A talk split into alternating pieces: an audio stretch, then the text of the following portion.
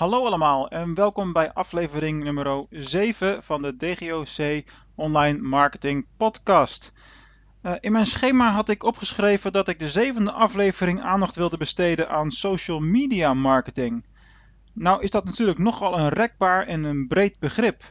Dus ik heb uiteindelijk besloten om in deze aflevering uh, stil te staan bij wat nu de actuele stand van zaken is rondom al die verschillende social media kanalen. Waar, waarvan ik zeg van nou daar zou je als uh, online ondernemer of als ondernemer die nu ook online actief is op kunnen focussen, op moeten focussen en waarom. En hoe ik dat laat zien is even, of ja laat horen dan natuurlijk in dit geval, is door zelf eventjes door de uh, mentaal domein sociale media activiteiten heen te gaan en ze even één voor één uh, te behandelen. Laten we beginnen bij de big boy, bij nummer 1. Waarschijnlijk hebben jullie nu allemaal in het hoofd welke dat zou moeten zijn. Precies, Pinterest. Nee joh, geintje. Facebook natuurlijk. Pinterest daar doe ik helemaal niks mee voor DGOC. Facebook is absoluut het allerbelangrijkste social media uh, marketingkanaal voor uh, mijn organisatie. Uh, al is het maar vanwege de mogelijkheden die er zijn met Facebook adverteren.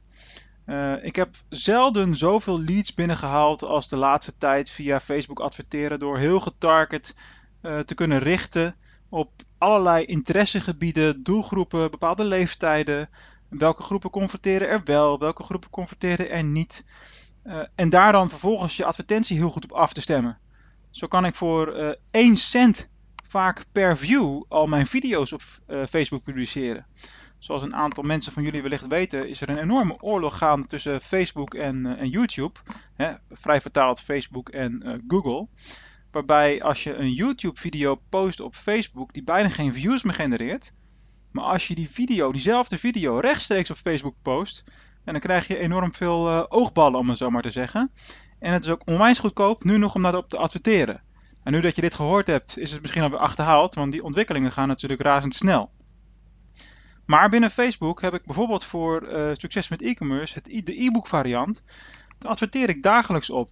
Een van de dingen die daar heel succesvol bij is geweest, is om een advertentie aan te maken, specifiek gericht op mensen in Nederland boven de 30, onder de 50, met als interesse zoekmachine marketing.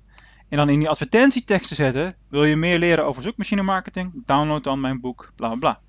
Nou, met dat soort uh, targetingmogelijkheden kom je gewoon onwijs ver.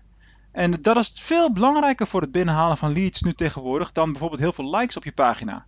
Heel veel likes zijn wel leuk, alleen het is steeds moeilijker en Facebook draait die kraan steeds verder dicht om in het organische geweld van Facebook posts, om daar überhaupt in beeld te komen. Dus je zult steeds meer en steeds vaker de portemonnee moeten trekken om bereik te genereren op Facebook. Maar goed, zolang dat uh, verkeer is wat rendeert voor jou en wat jouw klanten oplevert, kan dat natuurlijk zeker de moeite waard zijn. Goed, even een sprongetje naar een andere social media kanaal. Van Facebook ga ik dan naar LinkedIn. Nou, LinkedIn is een kanaal wat ik zelf maar heel beperkt gebruik. Dus ik zou het heel tof vinden om een keer een interview te doen met een LinkedIn specialist die mij daar nog alles over kan, uh, kan leren. Uh, ik gebruik het kanaal vooral als uh, zakelijk adresboek. Ik heb inmiddels meer dan duizend connecties daar. Iedereen die ik persoonlijk ken of een keer gesproken heb, die sluit ik daarop aan. En dat kan heel krachtig zijn, dat kan heel nuttig zijn. Toen ik vorig jaar bijvoorbeeld zocht naar sponsoren voor het boek Succes met e-commerce om te adverteren in het boek, eh, hoefde ik maar een aantal van mijn LinkedIn-connecties aan te spreken en binnen no time waren de sponsorposities uitverkocht. Dus LinkedIn is een netwerk wat je heel strategisch kan, uh, kan inzetten uh, en waar je ongetwijfeld ook heel actief kunt, kunt zijn. alleen ik ben daar niet zo ontzettend actief in op dit moment. Kan natuurlijk altijd weer veranderen. Hetzelfde gaat een beetje op voor Twitter. Twitter is een kanaal waarbij het een beetje een golfbeweging is, is gegaan uh, bij DGOC. In eerste instantie was er heel veel aandacht voor. Daarna weer een tijdje een stuk, uh, een stuk minder. Je zag ook dat het dagelijkse Twitter-gebruik uh, afnam. Alleen in recente maanden, zeker gezien de lancering van de livestream-app Periscope, zie je dat heel veel oudere Twitter-accounts weer nieuw leven in wordt geblazen. En dat mensen weer wat actiever daar, daar lijken te worden. Uh, althans, ik ben in ieder geval heel veel actiever daarin geworden. En ik zie dat ook terug in de, in de resultaten. Um, we hebben nu regelmatige Periscope-uitzendingen. Op het moment dat je een uitzending uh, ingaat, zoals ik in een eerdere podcast ook vertelde, dan gaat er gelijk een tweet uit. En met inmiddels ruim 10.000 volgers op het DGOC NL Twitter-account. Volg je me nog niet, doe het gelijk even uiteraard. Eh, is het natuurlijk gewoon heel gemakkelijk om snel meer bereik te genereren. En daar is Twitter natuurlijk heel erg goed in. Ik kreeg van de week de vraag van iemand van, joh, jij volgt 9.500 mensen, dat is toch allemaal niet relevant, dat is toch allemaal onzin? Ik geloof er niks van. Ja, sorry, maar het werkt dus wel. dat is wat ik daarover kan, kan zeggen. Ik ga dagelijks de interactie aan met, uh, met allerlei mensen. En uiteindelijk zie je dat terug in de resultaten. Goed, dat zijn wat mij betreft de drie grootste, de drie belangrijkste. Uh, dan ga ik eventjes over naar een kanaal waar ik pas recent zelf mee begonnen ben. Is Instagram. Ik heb Instagram echt jaren, ja, hoe lang bestaat het nu? Twee, drie jaar, zoiets. Links laten liggen en ik ben pas een maandje geleden ermee begonnen.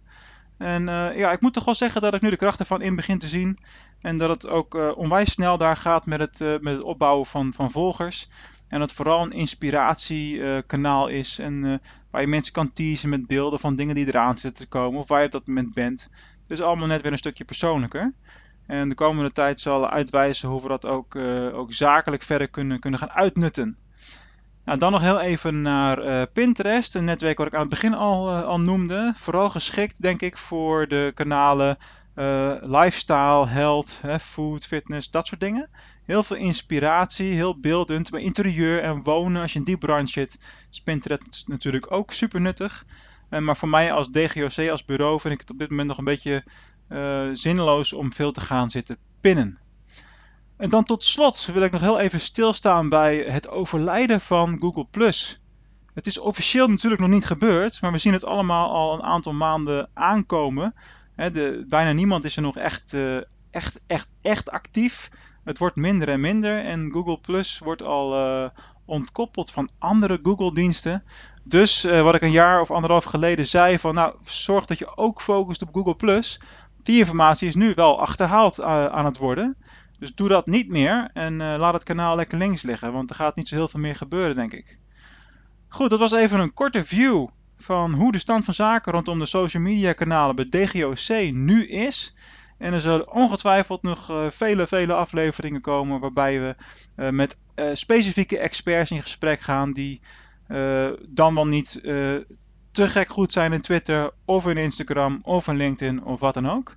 Zodat jullie daar ook weer lekker veel over kunnen leren. Uh, maar tot zover in ieder geval de introductie. Uh, mocht je nu inmiddels, uh, er is de zevende aflevering, al het een en ander aan de podcast hebben geluisterd, neem dan eens de moeite om een review te schrijven. afhankelijk van waar jij de podcast luistert, via Stitcher, iTunes of Podbean, laat ik er een review achter. Laat weten wat je ervan vindt en dan kunnen wij ook weer lekker mee vooruit. Bedankt voor die aandacht en tot volgende aflevering, aflevering nummer 8.